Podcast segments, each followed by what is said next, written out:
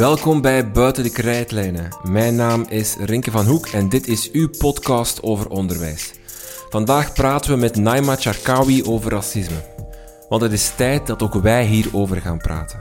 De vele getuigenissen, protesten, verhalen en ervaringen die naar aanleiding van de dood van George Floyd over de hele wereld naar buiten kwamen, tonen aan dat racisme nog steeds in onze samenleving zit. Dat er nog steeds elke dag mensen worden gediscrimineerd op basis van hun huidskleur of hun afkomst. En ook het onderwijs is daar niet immuun voor. Ik heb geprobeerd om hier meer inzicht in te krijgen door te gaan praten over racisme en al zijn facetten. Met mensen die het hebben meegemaakt of het nog meemaken, die het bestudeerd hebben, die het proberen te doorgronden en die proberen om oplossingen aan te reiken.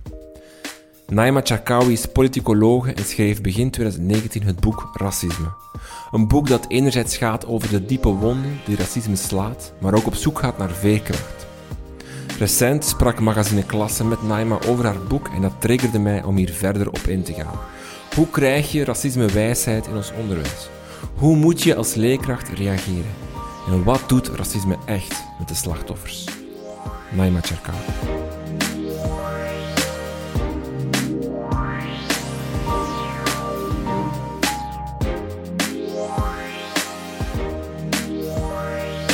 Naima Shakawi, welkom uh, in de podcast. We gaan het hebben over uh, racisme, over racisme in het onderwijs en hoe we daarmee moeten omgaan.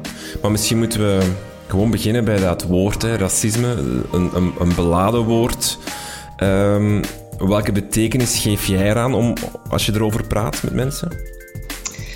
U stelt de vraag goed, hè. inderdaad. Welke betekenis geef ik eraan? En het is heel belangrijk om dat te verduidelijken, omdat je anders wat spraakverwarring krijgt. Hè. Als je het hebt over racisme in de juridische context, hè, rechtszaak, is dat iets anders dan als je het hebt over ja, het maatschappelijk eh, fenomeen racisme. En eh, voor mij krijgt dat dus een heel brede eh, betekenis. Ik vergelijk het soms eh, met een ijsberg.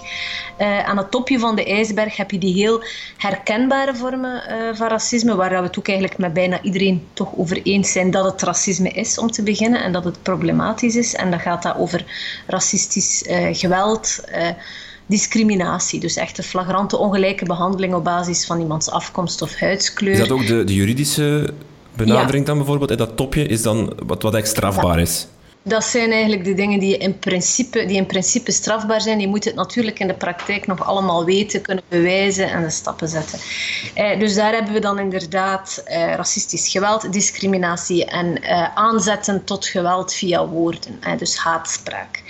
Um, maar als je eigenlijk onder de waterlijn gaat kijken, dan zie je daar fenomenen um, die, waar je soms minder goed de vinger kan opleggen. Uh, vooroordelen die zijn nog vrij herkenbaar. Positieve stereotypen of positief klinkende stereotypen. Uh, daarvan gaan al meer mensen zeggen. Bijvoorbeeld als ik zeg, ja, Afrikanen zijn goed in sport dan gaan mensen zeggen, ja, maar dat is toch geen racisme, want daar, daar doe je eigenlijk een positieve uitspraak mee. Misschien is dat zelfs een tegengewicht tegen al die negatieve uitspraken. Maar als je dat eigenlijk van naderbij gaat bekijken, dan maakt dat toch deel uit van uh, dat groter uh, geheel. Uh, omdat je eigenlijk, om, om nu dit voorbeeld uit te leggen, als je maar vaak genoeg een, een zogenaamd positief stereotype uit of hoort, dan lijkt het om te beginnen dat mensen die goed zijn in sport en Afrikaanse roots hebben, dat dat eigenlijk niet hun eigen verdienste is en niet de vrucht is van heel veel uh, oefenen en trainen, maar gewoon iets uh, dat aangeboren is.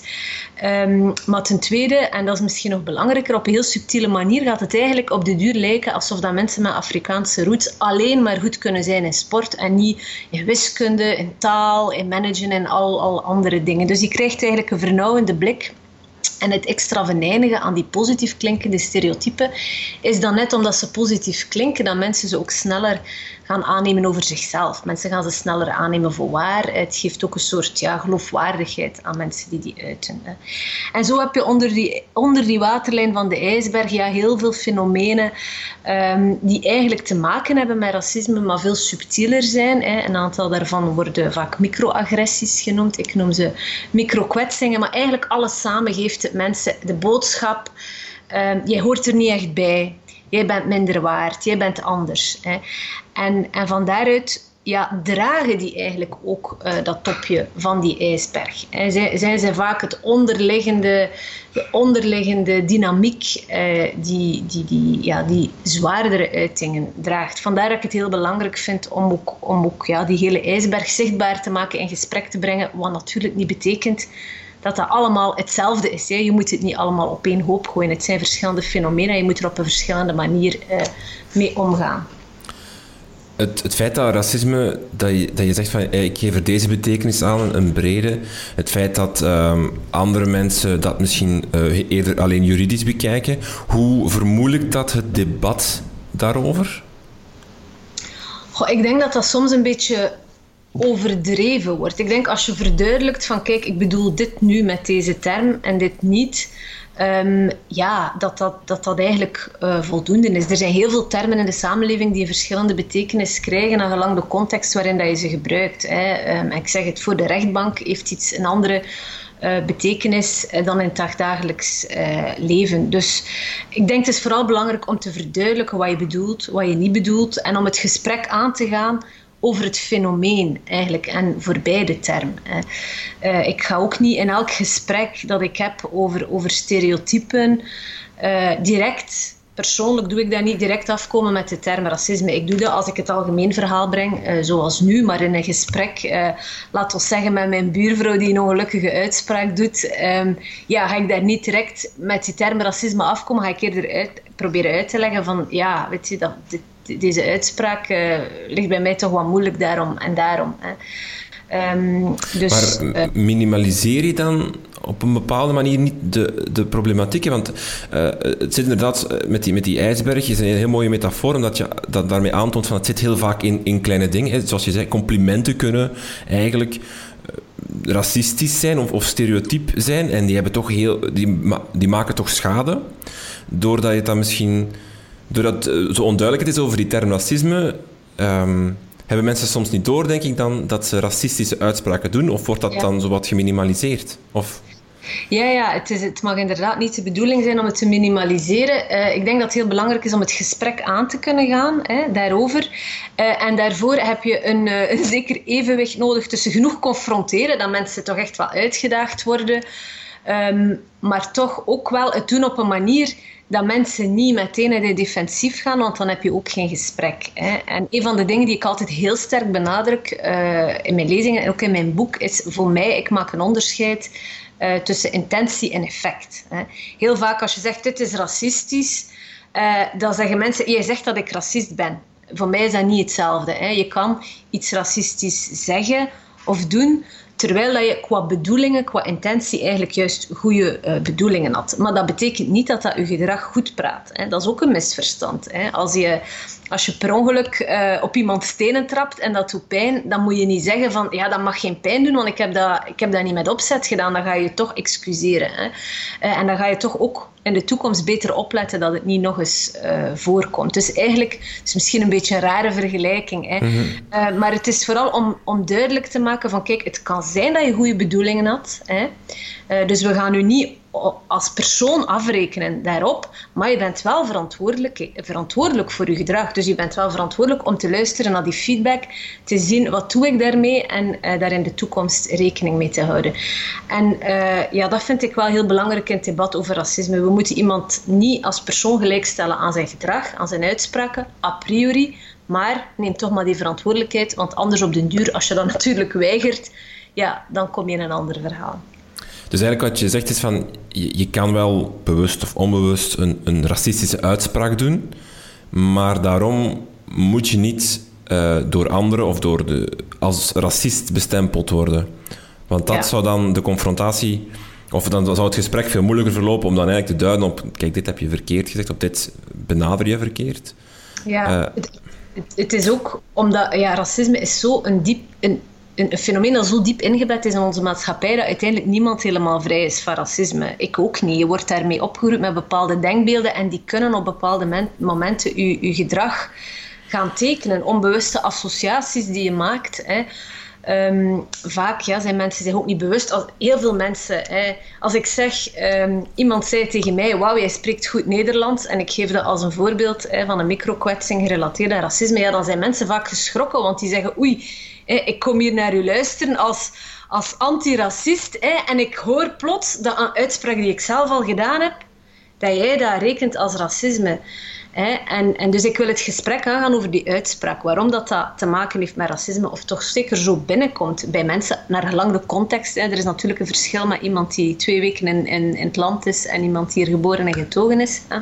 Ik wil dat gesprek daarover aangaan, maar ik wil daarmee niet zeggen, hey, zie een keer dat bewijst dat jij als persoon uh, bewust, uh, doelbewust uh, racistisch bent. Dat is ook helemaal niet zo. Hè. Maar um, heel vaak is dat ook het einde van het gesprek. Ik ben geen racist, dus ik mag zo'n dingen zeggen. Je mag mij dat niet kwalijk nemen. En, en daar gaan we in de fout. Want als je zegt ik ben geen racist, dan moet je net zeggen van oké, dus leer mij uh, dingen die ik onbewust doe. Ik wil daarin leren, ik wil daarover lezen, ik wil daar meer rekening mee houden. Misschien daarop aansluiten, nog iets wat vaak gezegd wordt van... Um, mensen doen een, een, racistische uitspraak, zeggen, maar ik ben geen racist. Dat komt er dan inderdaad achter. En dan vaak ook nog, maar het is toch zo. Mhm. hoe, hoe ga je daarmee om? Mensen die een soort van een, een stereotype in hun hoofd hebben gestoken of aangeleerd of, of gewoon zien in de media. Dat, eh, en en hoe, hoe ga je daar dan mee om? Hoe, hoe reageer je daar dan best op? Ja, dat zijn vaak heel, heel uh, moeilijke situaties. Hè? Omdat je dan gaat... Je bent dan geneigd om te argumenteren van... Eh, als men bijvoorbeeld zegt, ja, eh, het is toch waar, eh, Marokkanen zijn zo en zo. En dan zeg je, ja, en kijk dan naar die persoon en die persoon. Ja, maar dat zijn uitzonderingen. En je kan daar eigenlijk via argumentatie niet uitgeraken. Dus ik heb daar ook geen pasklaar antwoord op. Er zijn mensen met wie je beter in redenering kan gaan en anderen niet. Ehm, er zijn ook zelfs vormingen over hoe je omgaat met bepaalde racistische uitspraken, die vaak zo heel veralgemenend zijn, die, waar dat er soms ook, en dat is dan daar het punt, waar dat er vaak ook wel negatieve ervaringen van de persoon zelf achter schuil gaan, of, of een angst. Ehm, en dat je dan soms in plaats van over dat vooroordeel in gesprek te gaan, ehm, beter in gesprek gaat over, ja, wat speelt daar nu bij u? Maar goed, je kan dat beter, laat ons zeggen, als het racisme niet tegen jezelf gericht is, want daarbij het toch nog wel net iets meer van, uh, van je melk um, dan, dan als je eigenlijk ja, een stuk daarbuiten staat. Mhm. Er zijn organisaties zoals Orbit die daarover vormingen geven, van hoe reageer je dan op zo'n uitspraak. Hoe hard is, is racisme? Als je, je hebt die ijsberg, je hebt dat topje dat, dat, dat heel duidelijk bewust uh, racisme is, wat, wat strafbaar is, wat haatspraak is. Maar dan heb je dus die, die onder die water en die ijsberg. Hoe hard is dat daar eigenlijk vaak gewoon een, een onbewust ding dat je doet als persoon? Van, dat, je niet dat je het niet doorhebt, dat je, dat je, dat je iets zegt dat door, door beelden, ideeën, opvoeding in je gebakken zit en dat je uitspraken doet die je denkt van perfect logisch, maar die racistisch zijn?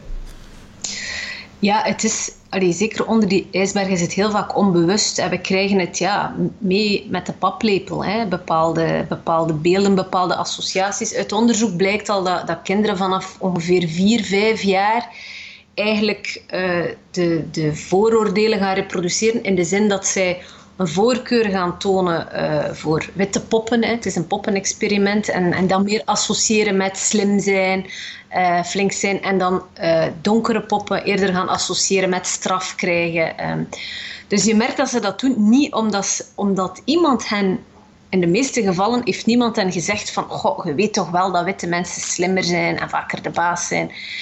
Nee, ze hebben dat op een andere manier opgepikt uit alles wat ze um, maatschappelijk uh, ja, observeren uh, in een omgeving. Een voorbeeld van hoe subtiel het kan zijn van wat normaal is en wat niet, is ja, in de kleuterklas al, geef mij eens de huidskleur. En huidskleur, weten alle kleuters, dat is een soort ja, beige-roze, hè? dus eigenlijk de, de, de witte huidskleur. En um, ja, ik, ja, maar dat is toch dat kleur, zeggen kinderen dan. Dat is toch zo, ik leer dat op school. Hè. Het is heel moeilijk om daar met een kleuter gesprek over aan te gaan. Hè. Dan zeg je toch, maar er zijn toch verschillende huidskleuren. Hè. We gaan toch ook niet één kleur, rood bijvoorbeeld, zeggen dat is bloemkleur. Als je weet dat er zoveel verschillende kleuren zijn. En ja, kan zeggen, moet je daar nu echt over in gesprek gaan? Maar dat is ook weer een manier om te zeggen, je hebt een normale huidskleur en dat is dan die. En de rest, ja, dat is dan dat, dat, is dan niet, ja, dat is dan niet de norm. Ja. Ehm, dus dat is maar een klein voorbeeldje, maar je krijgt eigenlijk heel veel beelden. Ook gewoon de afwezigheid van diversiteit vaak. Hè? En dat is ook ja, niet per se een bewuste keuze, dat is eerder een, een afwezigheid van uh, initiatief om daar iets aan te doen. Leidt tot conclusies. Hè? Bijvoorbeeld een meisje uh, van vijf op een bepaald moment aan, aan haar tante zegt: Ik wil later juf worden, maar ja, dan moet ik eerst wit worden, hè? want alle juffen zijn wit. En dat is wat zij observeert in haar omgeving. En dat, men heeft dat niet met opzet gedaan om haar die boodschap te geven, maar de conclusie die zij trekt, is wel, als zwart meisje kan ik geen juf worden. als je weet hoeveel um, ja, regionen in onze samenleving eigenlijk heel eenzijdig wit zijn, ja, dan kan je je voorstellen dat kinderen eigenlijk onbewust gaan oppikken. ik kan als, als zwart kind dit of dat niet worden, maar ook witte kinderen pakken dat op. Hè? Van, om, om in dat soort functie te komen, ja, dan zijn toch normaal witte mensen die dat En zo krijg je geen... Uh, ja, zo ga je eigenlijk racisme reproduceren. Hè? Omdat verwachtingen die mensen hebben, sturen ook een, een gedrag. Het is een soort van, van ja, vicieuze cirkel bijna. Hè? Van, van, uh, door, door racisme krijg je eh, minder mensen met een andere huidskleur in bepaalde posities. en dat verstrekt dan weer het beeld dat, en zo blijf je bezig. Inderdaad. ja. dan, kan je het dan eigenlijk allemaal terugbrengen tot, allez, misschien te, te ongenuanceerd hoor, maar tot stereotypen, namelijk een soort van vaste beelden die, die al van kinds af, vanaf heel jong voor de kleuterklas, in de kleuterklas, gewoon door, door te kijken naar de wereld buiten ons, door naar tv te kijken, door naar te kijken wie geeft er mij les, wie staat er achter uh, in de delays aan en al die dingen. Dat soort van vaste beelden worden ingeprent en dat we dan eigenlijk beginnen aan een soort van hopeloos discours om dat te proberen te corrigeren. Mm Um, het heeft zeker te maken met stereotypen. Uh, er zit nog een laagje bij en dat is echt die ongelijkheid. Hè, want we hebben ook stereotypen over, over Limburgers en over West-Vlamingen. Ik ben zelf ook West-Vlaming. Ik kan u zeggen, ik heb minder last van de stereotypen over West-Vlamingen dan die over, over Marokkanen of moslims. Hè. Dus daar zitten ook stereotypen, maar die, zitten, die zijn op een of andere manier die hebben minder impact. Omdat men toch weet, op het einde van de rit zijn dat maar stereotypen. Hè. We lachen daar eens mee, maar je gaat daarop geen job missen. Allee, of, of een appartement niet krijgen, omdat je West-Vlaming bent of zo. dus het, is, het zit nog dieper eh, dan dat. Echt ook die minderwaardigheid, het niet bijhoren. Um, nu, de manier om daarmee om te gaan, om te zorgen dat het geen vicieuze cirkel uh, wordt, is ja, wat ik dan racisme-wijsheid noem. Is eigenlijk ja, kinderen van jongs af, maar ook volwassenen, leren wat racisme is. Dat het ook in die kleine dingen kan zitten en dat je dus ook daar moet bewust over worden en proberen op een andere manier mee om te gaan. En de fout die heel veel ouders maken, ehm, is dat ze denken dat hun kinderen kleurenblind zijn. En dat ze dus niet over racisme gaan praten, want ze denken het komt goed met de nieuwe generatie. Die zien zelfs geen verschillen in kleur en automatisch gaan die dus niet racistisch worden. Nu, ik hoor dat al heel, heel lang en toch komen er telkens weer nieuwe generaties omdat dat racisme zo alomtegenwoordig is, hè, reproduceren we het toch. Hè. Dus je moet echt van jongs af met alle kinderen, hè, ongeacht hun, uh, hun afkomst, uh, het gesprek aangaan over racisme en gaan opmerkzaam maken van... Hè, bijvoorbeeld het, het, uh, het voorbeeld dat ik daarnet gaf over de leerkrachten. Van, goh, dat is nu toch wel grappig, hè? vreemd eigenlijk hè? op school. Hè? Er zitten zo leerlingen van allerlei afkomsten, maar de leerkrachten die zijn allemaal wit. Hè? Maar je, ik weet dat er wel andere scholen zijn waar het anders is en dat is wel aan het veranderen. Dat gewoon eens benoemen. Je moet daarvoor geen half uur maatschappelijke analyse maken, maar dat zelf benoemen. Want als je dat niet doet, hè, het, het kindje dat ik daarnet noemde, die gaf nog een, een groot voordeel. Die noemde het zelf. Die begon er zelf over. Maar veel kinderen ja, die gaan dat niet onder woorden brengen. Je kan daar dan ook het gesprek niet over aan gaan. Dus je moet dat zelf even zeggen. Of je kijkt naar een programma. Um, zegt van, goh, allee, dat is nu toch wel gek. Hè? Dat zijn allemaal, allemaal witte mensen. Of, of, in veel gevallen ook, oh kijk, dat zijn allemaal mannen. Dat is nu toch ook wel niet meer van deze tijd. Allee, ik, geef, ik zeg het nu... Mhm. Ik, ik zeg het ook in heel, misschien een beetje simpele woorden. Hè? Ehm, maar door zo, zo regelmatig zo'n dingen te benoemen en af en toe hè, een keer wat dieper in gesprek te gaan, gelang de leeftijd, um, maak je kinderen wel alerter en gaan ze dus niet zo klakkeloos die beelden uh, gaan aannemen als waar. Uh, u hebt uh, begin 2019 een boek geschreven met de titel Racisme, die eigenlijk gaat over de wonden en de veerkracht. en eigenlijk, als ik mag samenvatten, een beetje gaat over slachtoffers van racisme, um, welke wonden het bij hen slaat en hoe we hen kunnen helpen om, om daarmee om te gaan, om, om daar te, te, verwerken, zal ik maar zeggen. iets wat, wat sterk onderbelicht wordt, vindt u. Um, eh, ik snap wat volledig dat, dat, dat, dat invalshoek, of die invalshoek, maar ik vraag me wel af, missen we dat niet? Uh, zijn de daders van racisme, om het even zo dader-slachtoffer uit te drukken, ehm, zijn die niet het probleem? En moeten we die eigenlijk niet aanpakken, corrigeren en eigenlijk voor zorgen dat er geen slachtoffers meer zijn?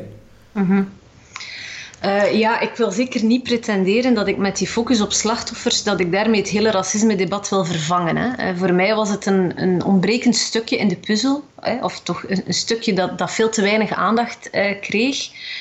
Um, vandaar dat ik daar echt allee, dat wou toevoegen aan het debat. Maar uiteraard blijft het belangrijk om, om ook te kijken naar daders. Vooral dan als we het hebben over die doelbewuste eh, daders. Hè. Mensen die heel, uh, bijvoorbeeld op internet, heel uh, sterk aanzetten tot haat. Hè.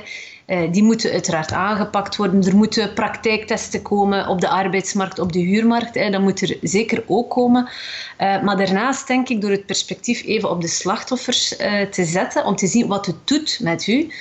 Um, ja, ga je eigenlijk veel mensen die zichzelf dus niet racistisch vinden, een stukje confronteren. En, en dat vind ik wel belangrijk, dat ook de, de goedbedoelende mensen, en er zijn er gelukkig toch wel heel, heel wat in onze samenleving, goedbedoelende Vlamingen die absoluut niet racistisch willen zijn, maar die onbewust toch eigenlijk vaak eh, zelfracisme produceren of die eigenlijk veel te weinig handvaten meegeven aan hun eigen kinderen of aan hun leerlingen rond racisme.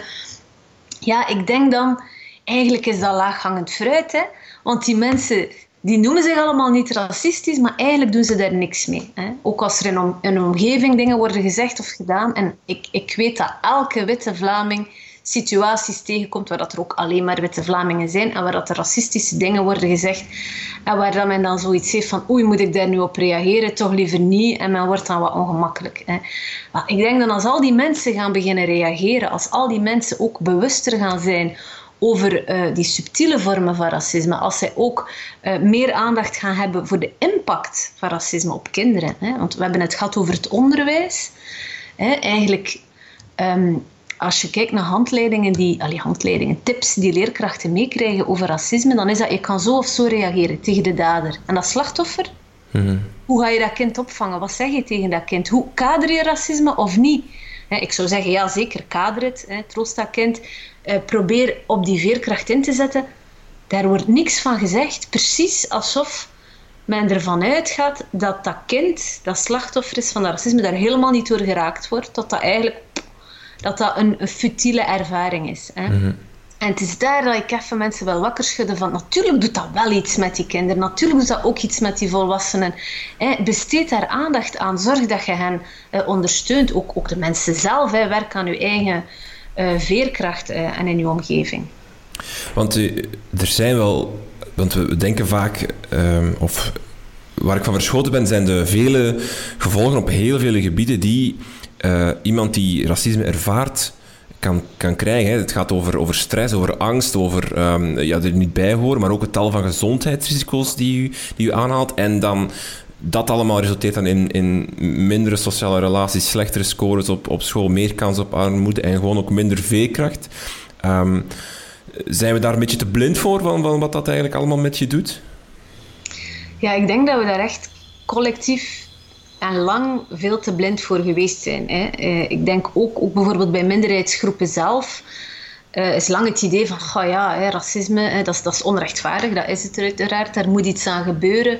Maar zo het idee van dat hakt er wel in, dat maakt eigenlijk mensen, ook, ook sommige mensen, hè, niet iedereen, hè, sommige mensen hebben meer veerkracht, maar dat maakt sommige mensen echt psychologisch kapot. Hè. Heeft ook een impact op hun fysieke gezondheid. En in afwachting dat we erin slagen om racisme uit de wereld te helpen, wat dat uiteraard hè, de prioriteit is, moeten we daar ook iets mee doen. Ja, dat besef is er, is er denk ik veel te lang te weinig geweest. Dat was zo, je moet daarboven staan. Hè. Dat hoor je heel sterk, je moet daarboven staan. Dat hoor je uh, uh, binnen, binnen minderheidsgroepen, binnen de mainstream samenleving ook de strategieën uh, die ik dan, dan noem. Hè. Dat, noem ik dan de oogkleppen. Hè. Gewoon negeren, doen alsof het er niet is, minimaliseren. Maar bijvoorbeeld ook de overdrive is iets dat je heel vaak gaat zien. Dat is, hè, je moet sterker zijn dan dat. Je moet bewijzen dat je beter bent. Als je dubbel zo hard werkt, dan kom je er toch. Hè. Um, ja, in sommige gevallen werkt dat natuurlijk, maar daar zit daar wel een keerzijde aan die medaille, dat je eigenlijk de lat heel hoog gaat leggen en dat je eigenlijk de verantwoordelijkheid om racisme te overwinnen de facto Vooral bij de slachtoffers legt. Hè. Um, en, en dat zijn dingen, ik, ik, wil mensen, ik wil dat zichtbaar maken. Ik wil mensen tonen van, kijk, let daar toch mee op. Um, sta daar eens bij stil. Waar ben ik mee bezig? Hoe wil ik daar nu eigenlijk mee omgaan? Uh, dat het niet ten koste van mezelf gaat. Hè, of ten koste, als ik boodschappen geef aan kinderen, dat het niet ten koste van uh, hen gaat. Uh, nog even over, over die gevolgen of die impact. Hè. Um, um, het feit dat je daardoor een laag zelfbeeld kan krijgen, dat, daar kan ik me wel inbeelden. Maar het feit dat bijvoorbeeld ook ja, scores op school en minder veerkracht, hoe, hoe verhouden die zich tot... Want er zijn wel ook een, een heel aantal dingen die we minder vanzelfsprekend zijn, die daar ja. toch echt heel veel impact uh, op hebben. Maar bijvoorbeeld op vlak van school hè, is er al, al redelijk wat aandacht en heel terecht voor de impact van, van structureel racisme. Hè. We zitten met een schoolsysteem dat er op een of andere manier niet in slaagt om, om gelijke kansen te geven, ook niet aan kinderen in armoede uh, bijvoorbeeld. Hè. Dus dat is één niveau dat speelt. Ten tweede uh, hebben we dan uh, dat is al dan onder het, ook weer onder het topje van onze ijsberg. De, de vooroordelen van leerkrachten, ook vaak onbewust. Hè. Er, zijn, er zijn leerkrachten, dat weten we, die echt eh, ja, toch wel heel expliciet racistisch zijn. Dat blijkt uit onderzoek of van getuigenissen eh, uit de leraarskamer, maar dat is een minderheid. Hè. Um, daar is de uitdaging ook weer om die andere leerkrachten mondiger te maken om daar tegenin te gaan. Maar er zijn ook heel wat leerkrachten die gewoon uh, impliciet onbewuste vooroordelen hebben. Die bijvoorbeeld sneller gaan denken uh, dat iemand met een migratieachtergrond of iemand in armoede, ja, dat, dat, dat, toch niet gaat lukken. Uh, dus die lagere verwachtingen heeft, al van in de kleuterklas. Of die bijvoorbeeld door kinderen die er nieuw zijn, die de taal nog niet goed beheersen, die daar dan eigenlijk onbewust gaan aan koppelen dat die niet slim zijn. Terwijl, ja, als, dat is dan gewoon op dat taalaspect dat er moet gewerkt worden. Die kunnen evengoed supergoed zijn in, in wiskunde. Anyway, ik ben aan het uitweiden, maar het punt is dus hier um, dat de verwachtingen van leerkrachten, uh, bewust of onbewust, een impact hebben uh, op de prestaties van kinderen. Dat is iets dat men al 50 jaar uh, weet. Hè? Dus dat is geen verrassing, maar dat speelt hier dus effectief uh, ook een rol. En kan dat ook zo klein zijn als... ik heb iemand in mijn klas met een migratieachtergrond en ik laat die minder voorlezen in de klas, omdat ik denk, die zal dat niet zo goed kunnen en dan moet hij dat doen. En, en dat kijk, bij een goed bedoeld idee van, ik ga die niet te veel laten voorlezen, want ja, misschien met die taal, het zal misschien moeilijk zijn, dan moet hij voor de klas voorlezen.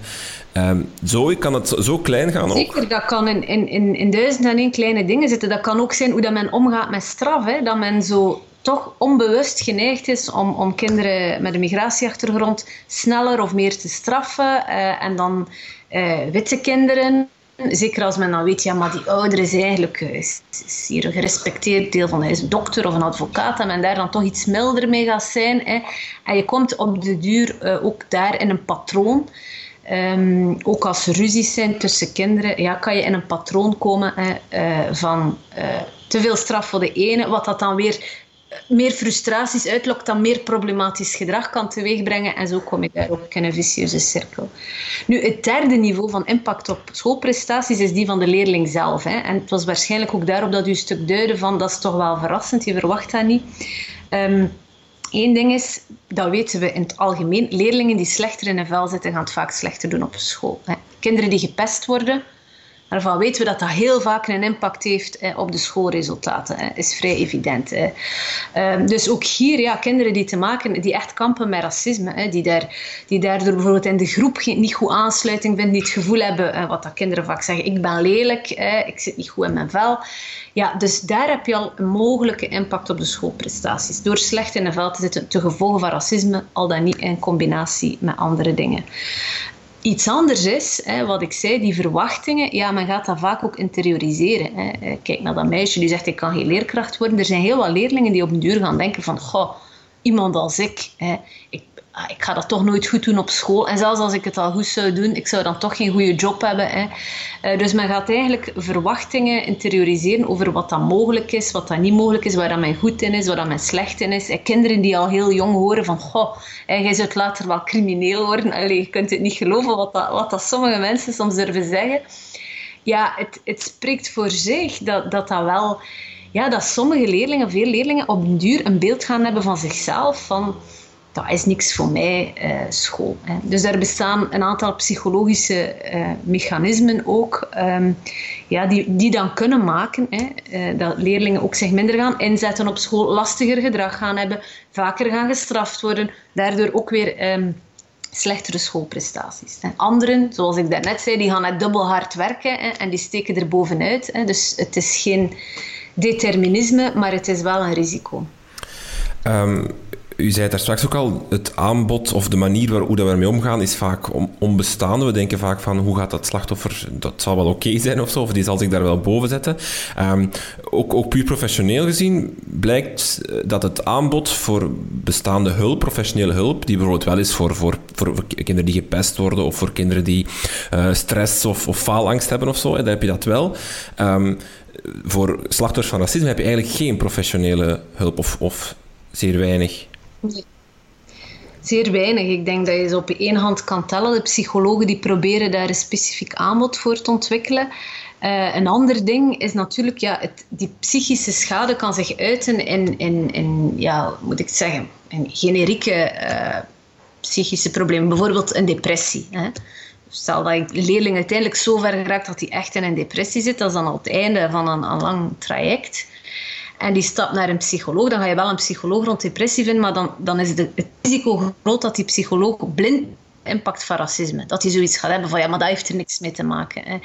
En, um, en dat is nu één voorbeeld, maar het kan ook gaan over leerproblemen, problemen, gedragsproblemen, al die dingen.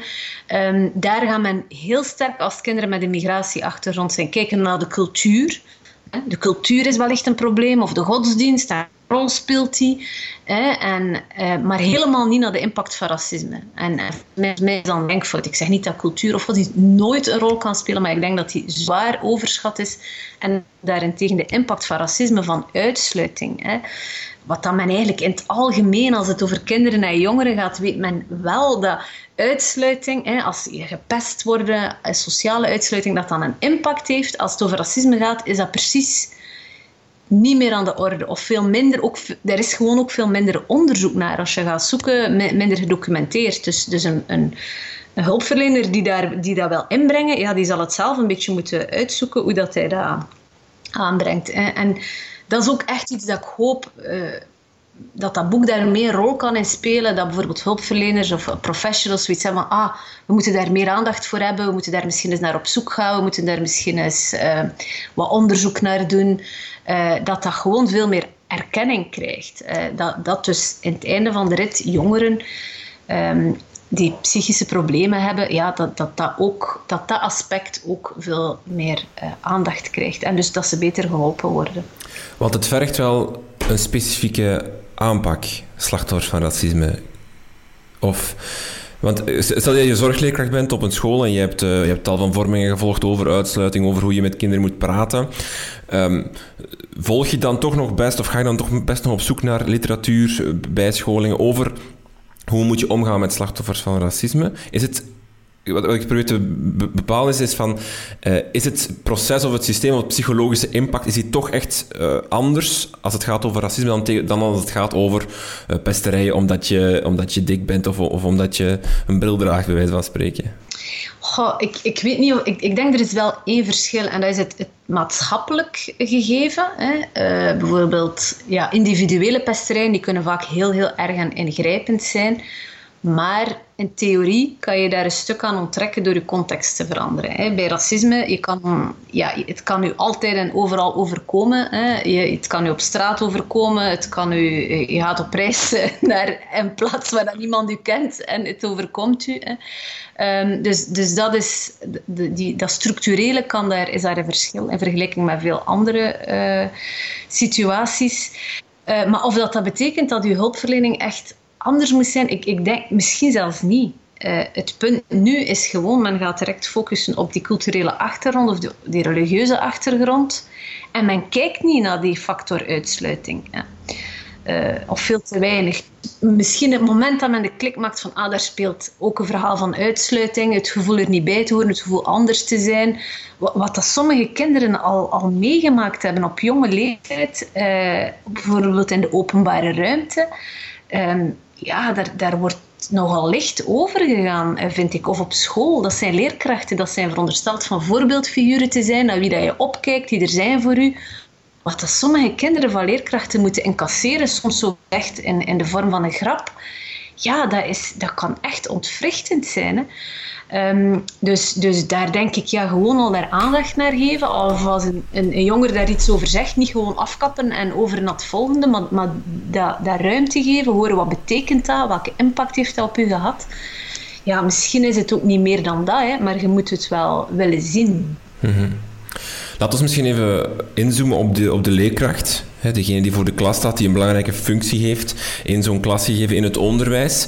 Um, die hebben een impact, heeft er net al verteld, met bijvoorbeeld lage verwachtingen te hebben. Een soort van self-fulfilling prophecy dat je dan krijgt. Um, dat is iets onbewust heel vaak. Mag ik dat, mag ik dat zo stellen, dat dat eh, onbewuste lage verwachtingen zijn die je stelt. Wat kan je daar, daartegen doen als leerkracht? Want dan neem ik aan dat ik die bijvoorbeeld ook wel heb als ik voor de klas sta. Mhm. Misschien.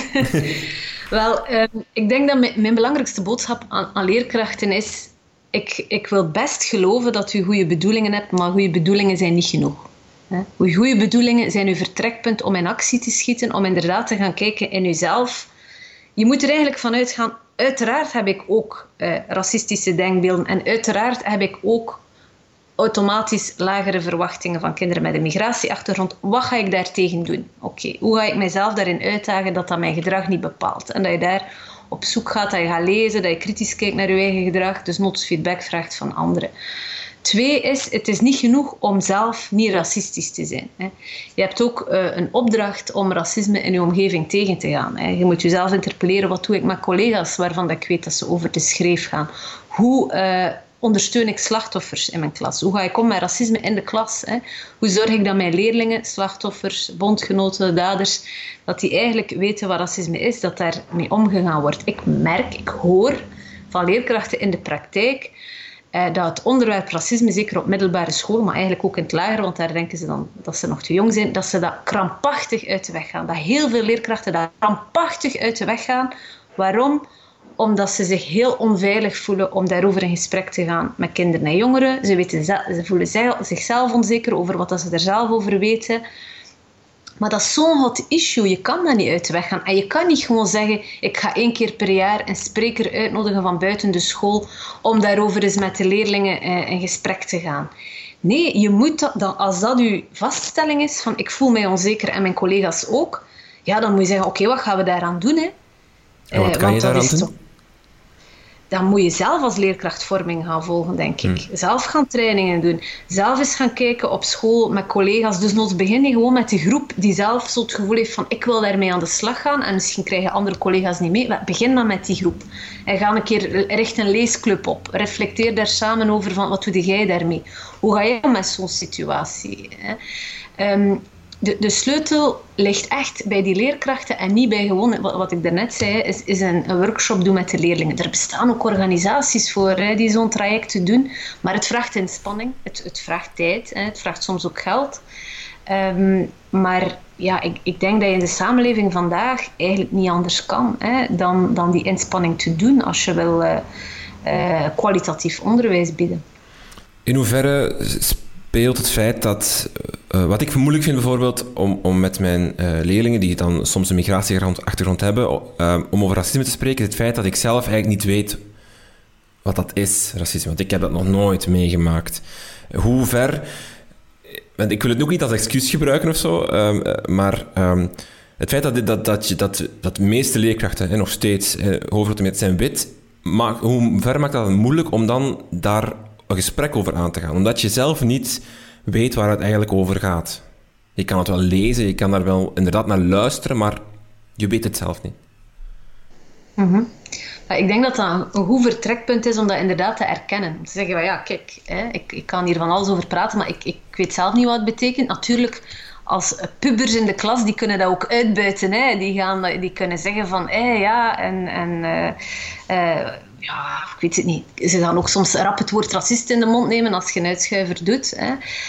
Um, en, en dat maakt je nog onzekerder. Maar goed, ik, ik denk dat is de context vandaag. Dan moet je misschien daarover het gesprek beginnen. Van kijk, ik denk dat het belangrijk is dat we dat gesprek voeren. Um, zelf heb ik dat niet meegemaakt, maar ik, ik, weet dat dat een belangrijk onderwerp is. Ik ben er ook bezorgd over. Hoe gaan we dat hier doen?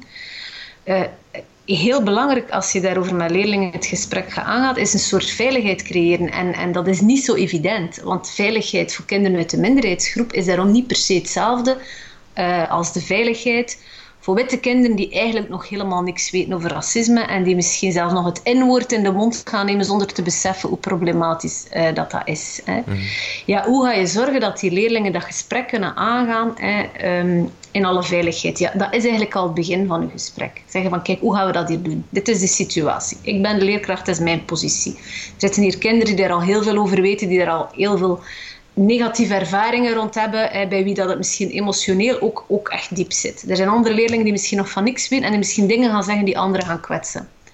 Goed, dit is waar we staan. Hoe gaan we dat hier doen? Kunnen we een paar spelregels afspreken? En dat is dan al een begin. En dan kan je dat gaan opbouwen. Maar goed, ik, ik, eh, ik zeg, daar, bestaan vormingen voor, hè, hoe dat je dat gesprek aangaat ehm, en, en hoe dat je daarin bekwaamt. Maar het zal altijd wel zoeken blijven uh, en, en ervaringen uitwisselen. Maar ik denk dat, dat leerlingen ook snel wel aanvoelen van oké, hier is vertrouwen, dat wordt hier al serieus genomen. En um, zelfs al is het een keer op een bepaald moment moeilijk, weten leerlingen vaak wel van oké, hier, hier kan het, hier kunnen we het, het uitspreken. En, en, scholen die zo'n project hebben aangegaan, ja, hebben meestal wel positieve ervaringen op het einde van de rit, maar je moet het wel de mhm. inspanning doen. Is het dan, niet dat ik het wil versimpelen, maar is het dan eigenlijk gewoon maak het bespreekbaar en zorg voor een veilige omgeving en wees als leerkracht hiervan bewust dat er uh, racistische uitspraken, racistische denkbeelden, uh, uh, lage verwachtingen kunnen. Is het dan eigenlijk gewoon terug te brengen tot maak het bespreekbaar en wees er je van bewust? Of is het dat te simpel? Oh, ja, zou daar eens moeten over nadenken van wat hebben we dan vergeten te zeggen. Ik denk dat dat in elk geval al heel veel is. Hè. Um, wees jezelf bewust, maak het bespreekbaar met leerlingen en ook op de werkvloer met collega's. Ja, en, en maak een beleid, uiteraard. Hè. Uh, vertaal dat tot een beleid. probeer dat te vertalen tot een beleid. Als individuele leerkracht kan je dat niet altijd. Hè. Uh, maar je kan er wel... Uh, naar duwen. Hè. Je kan toch wel in die richting duwen van oké, hoe gaan we daar als school mee om? Uh, waar kan je ook als leerkracht terecht als je vastzit? Uh, waar kunnen leerlingen terecht? Uh, je kan daar wel iets, iets rond ontwikkelen, zoals dat je rond pesten ook een beleid kan ontwikkelen hè, als school. Um, maar ja, inderdaad, dat bewustzijn, dat bespreekbaar maken en ook weer daar het racisme dus wel tegengaan op die manier en slachtoffers ondersteunen is uh, ontzettend, uh, ja, kan een groot verschil maken. En het, uh, stel dat er een, incident is van racisme, dan, dan, dan moet je inderdaad aandacht hebben voor het slachtoffer. Maar um, zijn we soms ook te soft voor de dader, alleen voor degene die het racisme uh, want ik, ik, denk dat ik, dat ik je ergens heb horen zeggen, of dat ik gelezen heb, dat je dat vaak ook wordt weggezet als een soort van verbaal incident. Um, die zegt iets mis, jongen, niet meer doen. Terwijl het, het wel, zeker als het, als, het, als het echt gaat over flagrant racisme, dus niet dat onbewust, dat het wel gaat over uh, haatspraak eigenlijk bijna. Um, zijn we daar soms dan wat, wat te gemakkelijk in? Ja, ik denk dat soms het voorbeeld dat ik gaf, had denk ik ook te maken met dynamieken van straf. Hè. Bijvoorbeeld, je krijgt een discussie, een ruzie op de speelplaats. Um, en uh, ja, die begint te escaleren. Eén jongere zegt tegen de andere iets racistisch. Um, en de andere bonk slaat erop. Wat dat je dan heel vaak gaat zien, is dat alleen die laatste leerling wordt gestraft. Of dat hij toch in ieder geval veel zwaarder wordt gestraft. Waarom? Omdat hij fysieke agressie heeft gebruikt. Hè. En dat voelt vaak als heel onrechtvaardig aan. Niet omdat, ja, uiteraard mag die gestraft worden. Hè. Fysieke agressie is inderdaad eh, voorbij een bepaalde lijn. Maar een racistische uitspraak is dat ook. Hè. En daar gaat men dan vaak zeggen, maar dat is verbaal en dat is fysiek. Maar eigenlijk is verbaal plus racistisch weegt zwaarder. Hè. En uh, dat gaat eigenlijk, dat soort dynamieken, men gaat dan soms ook zeggen, ik heb het niet gehoord, of ik weet het niet, of dat zijn maar woorden.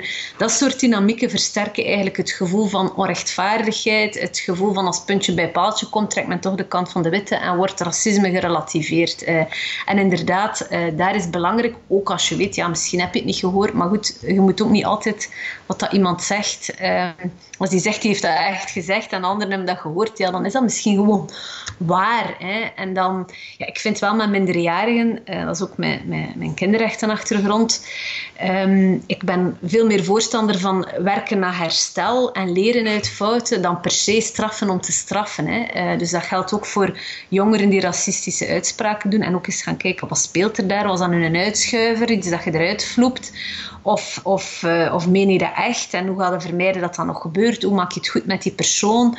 Uh, en ja, schrijf er dan misschien maar eens een paper over of breng eens een presentatie voor de klas. Um, dus allee, om, om er een leermoment van te maken en, rond herstel te werken, eerder dan puur um, uh, ja, op straf, waar leerlingen dan toch vaak uh, weinig uit leren. Het, het, tweede deel, wat belangrijk is in jouw boek, is de veerkracht. Hè. Het, het, feit dat, uh, dat... Dus racisme slaat diepe wonden, maar we moeten ook samen allemaal proberen om, om veerkracht te creëren bij die jongeren die racisme ervaren, om daar... Uh, ja, om, daar boven, om daarmee om te gaan, dat te verwerken, dat een plaats te kunnen geven. hoe kan onderwijs daar een rol in spelen om, om, om die veerkracht te versterken bij dat soort jongeren? Uh, wel, er zijn eigenlijk uh, drie grote strategieën van veerkracht. Eén daarvan is ja, die racisme-wijsheid. Is dus echt leren herkennen racisme, ook in die subtiele vormen. Weet je, weten hoe je kan reageren. Daar hebben we het eigenlijk al een stuk over gehad. Hè. En is bespreekbaar dan, maken. En is dat dan de, de, de leerkracht die dat moet uh, erkennen, bespreekbaar maken? Of is dat dan de jongere die, die, die het krijgt, die weet van... Oh, dat is hier... Hij is fout en ik, niet ik. Op, welke, op welk spectrum zit dat? Het zit eigenlijk op alle niveaus. Het is, het is, jongeren leren natuurlijk, ja, in, in, in een lagere school kun je dat meer integraal doen. In de middelbare school gaat al moeten gaan kijken in welke vakken uh, doet je dat en op welke manier. Maar jongeren leren racisme herkennen, uh, leren reageren. Um, het zit soms ook gewoon uh, in een schoolboek. Hè. Um, ik, ik, zag een, een aardrijkskundehandboek, eerste middelbaar, en daar was de opdracht. Um, er kregen tien prentjes of zo en ze moesten aanduiden wat is eigen cultuur en wat is vreemde cultuur.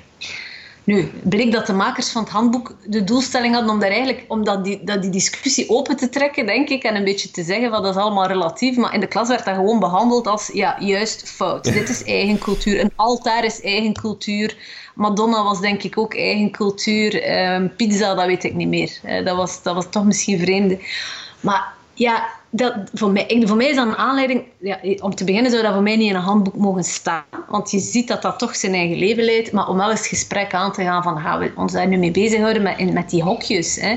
Eigenlijk kan dat toch niet dat we, ons, dat, dat we gaan eh, dingen op die manier in hokjes steken, eigen vreemd. Terwijl dat eigenlijk die dingen duidelijk over, in elkaar, eh, over elkaar lopen vaak ook stereotype uitspraken of een boek. Uh, um, dus er zijn heel veel aanleidingen om het, om het bespreekbaar te maken uh, vanuit wat dat er in de les zelf gebeurt, maar ook als er wrijvingen zijn tussen leerlingen, aanleiding van actualiteit.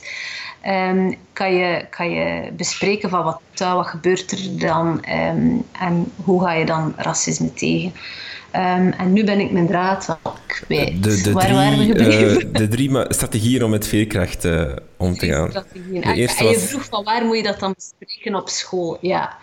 Um, en misschien nog één ding van, van op school. Hè. Er, er zijn nu meer en meer initiatieven om ook leerlingen, en zeker in, in het secundair, hè, um, uh, meer te activeren in het, um, in het um, werken rond conflicten op de speelplaats. Hè. Zo, zo projecten, zo peer-to-peer. -peer, en dat is ook wel echt iets heel belangrijk waar je kan rondwerken, omdat natuurlijk jongeren op een bepaalde leeftijd gaan minder aankloppen bij de leerkracht als vertrouwenspersoon, maar eerder bij elkaar. En, en ook daar kan je dus wel in dat beleid uh, aandacht hebben voor de impact van racisme. Hoe ga je daarmee om? Hoe ondersteun je vriend of vriendin?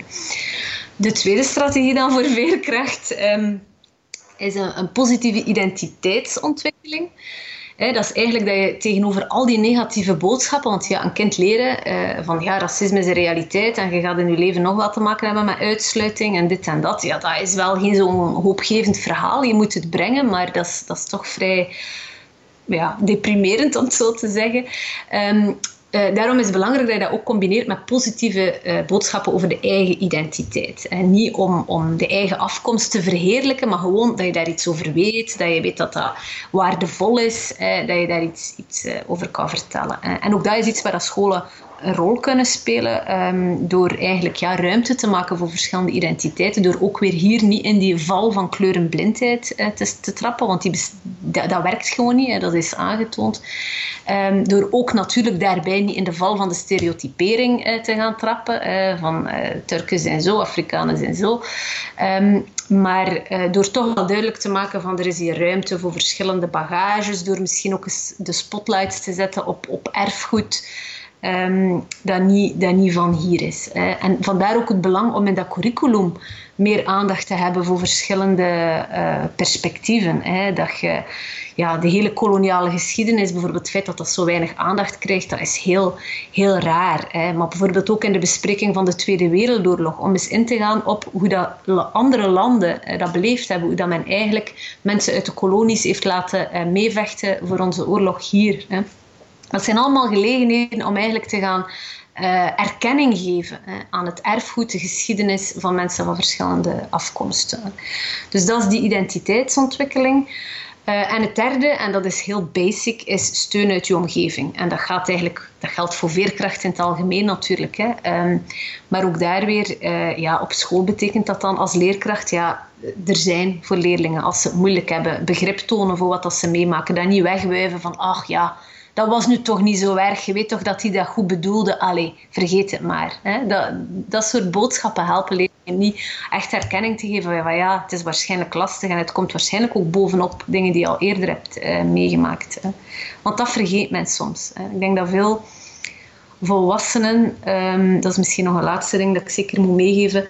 Eh, een leerling komt met een verhaal van ja, dat en dat en dat is gebeurd en dat kan toch niet en dat is racisme. Dat men eigenlijk heel snel in de analyse gaat van, van dat incident. Was dat nu wel racisme of niet? En hoe had die persoon het bedoeld? En zei het wel zeker? Hè? En eigenlijk is dat vaak heel contraproductief. Dat zorgt voor nog meer frustratie. En het is beter om, om gewoon even eerst de ruimte te laten van oké, en, en wat maakt dat bij je los? En wat voelt je? En als het u lijkt dat die aanleiding zelf, dat dat eigenlijk ja, dat, dat er eigenlijk heel moeilijk is om in te beelden dat er een factor van racisme speelt, ga dan eens kijken van wat speelt daarachter allemaal. Hè. Want herhaaldelijke negatieve ervaringen, en dat geldt ook weer niet alleen voor racisme, maar bijvoorbeeld ook ja, rond, rond andere dingen, maken dat je op den duur effectief een andere perceptie kan krijgen van de realiteit. Dan is dat heel belangrijk om het hele verhaal te zien. Hè, van wat zit daarachter? En vaak zit daar trauma achter. Hè. Vaak is het na trauma uh, dat mensen eigenlijk ja, overalert worden op signalen van, van kwetsing of geweld. Hè. En dat je dan daar eens gaat uh, op doorvragen, erkenning geven en ook kijken van ja, hoe kan die persoon hier nu uh, verder geholpen worden? Hè? Waar kan die terecht? Kan die thuis terecht? Kan die elders terecht? kan die bij mij blijven komen, bij een collega? Heeft die goede vrienden? Dat is ja, dat is uiteraard basic. Hè. Dat, dat geldt voor alle, alle kinderen of jongeren met problemen. Uh, maar hier kan je dus echt het verschil maken. Net om, omdat racisme nog zo weinig erkend wordt als een, een bron van, van kwetsing hè, en van psychische schade, kan je daar echt wel ook als individuele leerkracht het verschil maken. Maar dat geldt in het algemeen. Dat hoor je heel vaak van mensen met een migratieachtergrond. Dat individuele leerkrachten echt het verschil hebben gemaakt. Dus. Oké. Laatste vraag. Ehm, met al wat ik nu hoor, we, heel veel scholen hebben een pestbeleid. Is het tijd dat ook elke school zich buigt en, en begint te schrijven en, en te werken aan een, aan een racismebeleid, aan, een antiracismebeleid dan? Met daarin uh, tools, uh, organisaties bij scholen die leerkrachten kunnen volgen, maar ook die, die wat leerlingen kunnen aanbieden en daar tegelijk een manier van werken over wat als je racisme hoort en ziet en voelt? Ja, dat zou heel mooi zijn inderdaad. Als elke school een racismebeleid heeft, of een antiracismebeleid zoals u het zegt, eh, waarin dat al die dingen samenkomen. Uh, wat dat je nu nog vaak ziet, is dat scholen uh, dat praten over een diversiteitsbeleid. Maar ik vind het beter om te spreken van een racismebeleid, omdat je daarmee echt het, het probleem in zijn kern benoemt. En van daaruit kan je nog altijd acties doen rond diversiteit. Maar durf, durf het probleem benoemen. Het is een maatschappelijk probleem, het is een probleem voor jongeren, het is een probleem op school. En effectief werk daar een, een, een sterk beleid ronduit. Ja. En is het ook iets, want, want um, je, hebt, je hebt nog grote uh, verschillen, segregatie. Je hebt, je, hebt, je hebt scholen die heel veel verschillende achtergronden en, en multiculturaliteit hebben. En je hebt dan nog scholen uh, die, die heel wit zijn. Is het ook voor, voor de, de, de zeer witte scholen zeer belangrijk dat ze dit doen? Die bijvoorbeeld maar één of twee of drie leerlingen hebben op heel een populatie met een, een, een andere etnische achtergrond. Is het toch ook belangrijk dat zij dit doen? En ja. waarom? Uh, wel, ten eerste omdat ik, het is essentieel dat ook witte leerlingen iets weten over racisme als in onze samenleving vandaag en morgen uh, goed willen functioneren. Hè, en niet zelf oorzaak zijn van racisme tegenover anderen, maar liever net wel bondgenoot zijn hè, tegen racisme. Dus daar, ja, dat is essentieel om racisme uit de wereld te helpen. Natuurlijk, eh, dat al die witte jongeren dat ook eh, meekrijgen. Het tweede is dat je vaak hoort dat dan die paar leerlingen in die school, die worden vaak niet als een probleem gezien. En vaak gaan de gemiddelde ook weer zeggen, ah, maar ik zie die zijn kleur niet meer, hè. Dat, dat bestaat niet voor mij. Maar dat hun welbevinden vaak net slechter is dan in, in meer gemixte scholen. Hè. Uh, misschien net omdat men dan zegt, ik zie het niet, dan zoiets heeft van, dat is wel mij. Of omdat men zich verplicht voelt om eigenlijk ja, het weg te stoppen, het, uh, hun afkomst weg te stoppen. Racisme is niet bespreekbaar, ze hebben ook niemand bij wie ze terecht kunnen dan. Hè. Ze zijn daar maar alleen. Um, dus dat gaat dan over kleine aantallen, maar vaak weegt het, uh, wegen die uh, kwetsuren daar wel zwaarder, omdat men ja, weinig toegang heeft tot uh, bronnen van veerkracht. Um, dus ja, zeker en vast ook daar. Oké. Okay. Uh, Naima Sharkawi, wel uh, voor dit gesprek en voor alle tips. En uh, laat ons hopen dat alle scholen hier aan de slag gaan met, met, met al wat jij gezegd hebt. Dank je wel. Dank u wel. Dank u.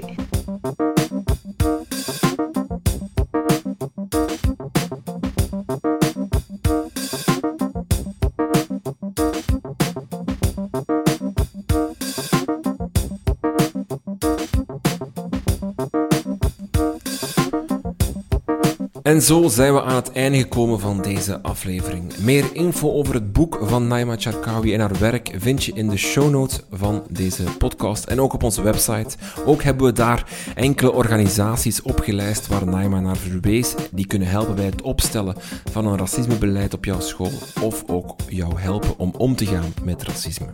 Volg ons via Facebook, Twitter of Instagram. Steun ons via Patreon. Al voor 1 euro per maand kan u ons helpen om deze podcast nog beter te Wil je op de hoogte blijven? Schrijf je dan in voor onze nieuwsbrief. Dank voor het luisteren en tot de volgende.